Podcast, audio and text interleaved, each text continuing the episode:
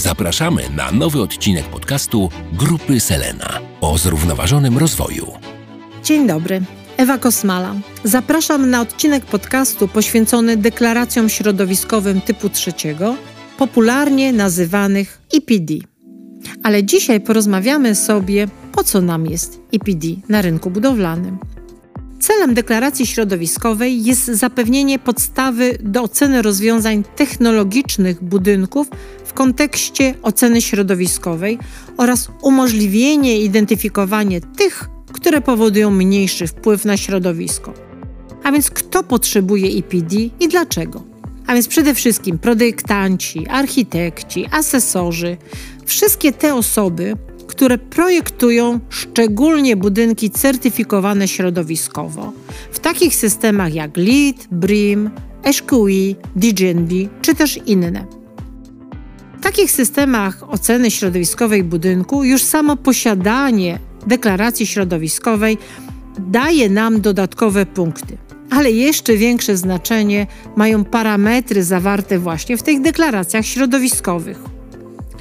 EPD dla wyrobów budowlanych jest kluczowym dokumentem w przeprowadzeniu oceny cyklu życia całego naszego budynku.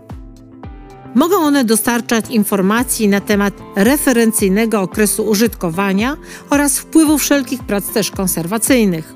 Umożliwia to architektom projektowanie pod kątem trwałości i możliwości adaptacji naszego budynku. EPD dostarcza informacji środowiskowych na temat wykorzystywania w produkcji materiałów i paliw wtórnych oraz energii i materiałów odnawialnych, ale także tego, w jakim stopniu produkt można odzyskać po zakończeniu jego użytkowania i jakie korzyści może przynieść jego właśnie odzyskanie. Dzięki temu też architekci mogą projektować budynki, które są zgodne z zasadami gospodarki cyrkularnej. Wymieńmy sobie w takim razie kilka obszarów, gdzie deklaracje środowiskowe pełnią kluczową rolę. Po pierwsze, marketing. EPD umożliwia firmom składanie wiarygodnych i sprawdzalnych oświadczeń środowiskowych dotyczących ich produktów. Zwiększa to bardzo wiarygodność i umożliwia porównanie z podobnymi produktami, co jest bardzo znaczące, jeżeli mówimy o konkurencyjności na rynku budowlanym, ale nie tylko budowlanym. Kolejnym obszarem to zamówienia publiczne. EPD mogą być wykorzystywane jako źródło informacji w zamówieniach i zakupach przy właśnie zamówieniach publicznych. Dają one nabywcom pewność, że ekologiczność konkretnego produktu została sprawdzona, jest rzetelna i jest weryfikowana przez niezależnego eksperta. W zielonych zamówieniach na przykład można dostać już do 30% więcej punktów za samo posiadanie takiej deklaracji środowiskowej. Kolejnym obszarem, chyba najbardziej Państwa interesującym, to jest porównanie produktów. Ponieważ przy zastosowaniu tych samych zasad dotyczących kategorii produktu oraz uwzględnienia wszystkich istotnych etapów cyklu życia, właśnie EPD bardzo łatwo między sobą porównywać. Jeżeli tylko porównamy sobie te parametry w zakresie A1 do A3, to są obszary deklaracji środowiskowej, o której Państwo mogli usłyszeć w poprzednim moim podcaście, to możemy bardzo łatwo porównywać parametry środowiskowe. Ale jeszcze raz chcę Państwu przypomnieć, te parametry od A1 do A3 możemy porównywać tylko wtedy, jeżeli mówimy o tej samej jednostce wyrobu, czyli te parametry muszą być albo na kilogram, albo na tonę, albo na metr kwadratowy wykonanej ściany Porównujmy zawsze jabłko do jabłka. Kolejnym obszarem, gdzie wykorzystujemy APD, to są specyfikacje. Specjaliści mogą zawrzeć informacje zawarte w EPD w swoich specyfikacjach wykonania, aby zapewnić, że produkty użyte już w budynku spełniają wymagania dotyczące całości właściwości środowiskowej dla całego już budynku wykonanego. Kolejnym obszarem to jest łańcuch dostaw. Weryfikacja EPD obejmuje konkretne informacje dostarczone przez łańcuch dostaw, jak również przez producenta produktu, aby zapewnić solidność danych i zidentyfikować możliwość poprawy w całym łańcuchu dostaw. A więc główną zasadą deklaracji środowiskowej jest obiektywność, wiarygodność, niezależność, porównywalność, uniwersalność, no i oczywiście zorientowanie na środowisko. Dla klientów i konsumentów EPD jest po prostu wiarygodnym dokumentem, który pozwala wybrać najbardziej odpowiedni produkt. Ponieważ deklaracje środowiskowe opracowywane są zgodnie ze zharmonizowaną międzynarodową metodologią, parametry produktów dla tej samej grupy produktów są od różnych producentów są porównywalne. I to jest bardzo ważna informacja, którą należy zawsze zapamiętać. A więc podsumowując, do czego potrzebujemy EPD?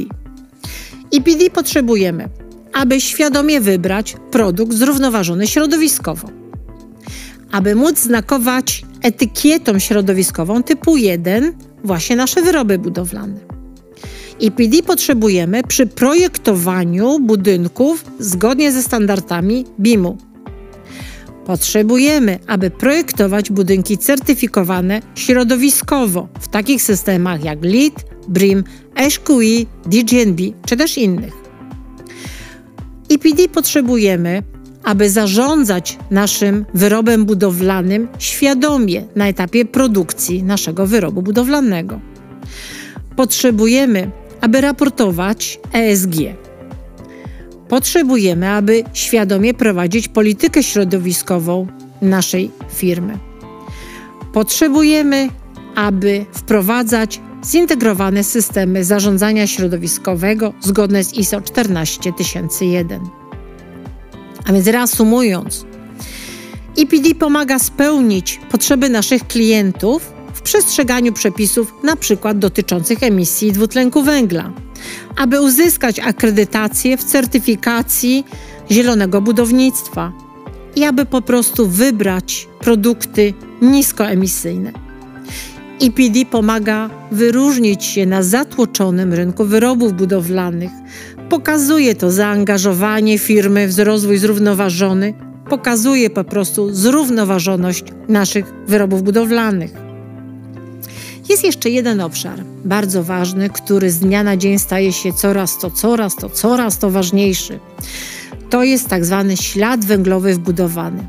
O tym opowiem Państwu więcej w następnym podcaście, ale już teraz chcę zasygnalizować. Ślad węglowy wbudowany to jest coś, co architekci w wielu krajach już obliczają dla swoich budynków i to jest coś, co pojawia się w coraz większym stopniu wymagach i standardach projektowania nowych, niskoemisyjnych budynków.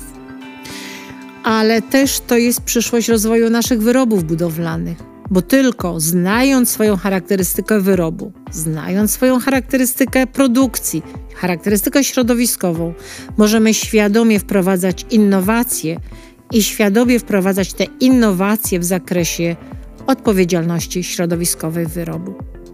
Dziękuję serdecznie Państwu za uwagę i zapraszam na kolejny odcinek podcastów o zrównoważonym rozwoju grupy Selena. Dziękuję bardzo, do usłyszenia.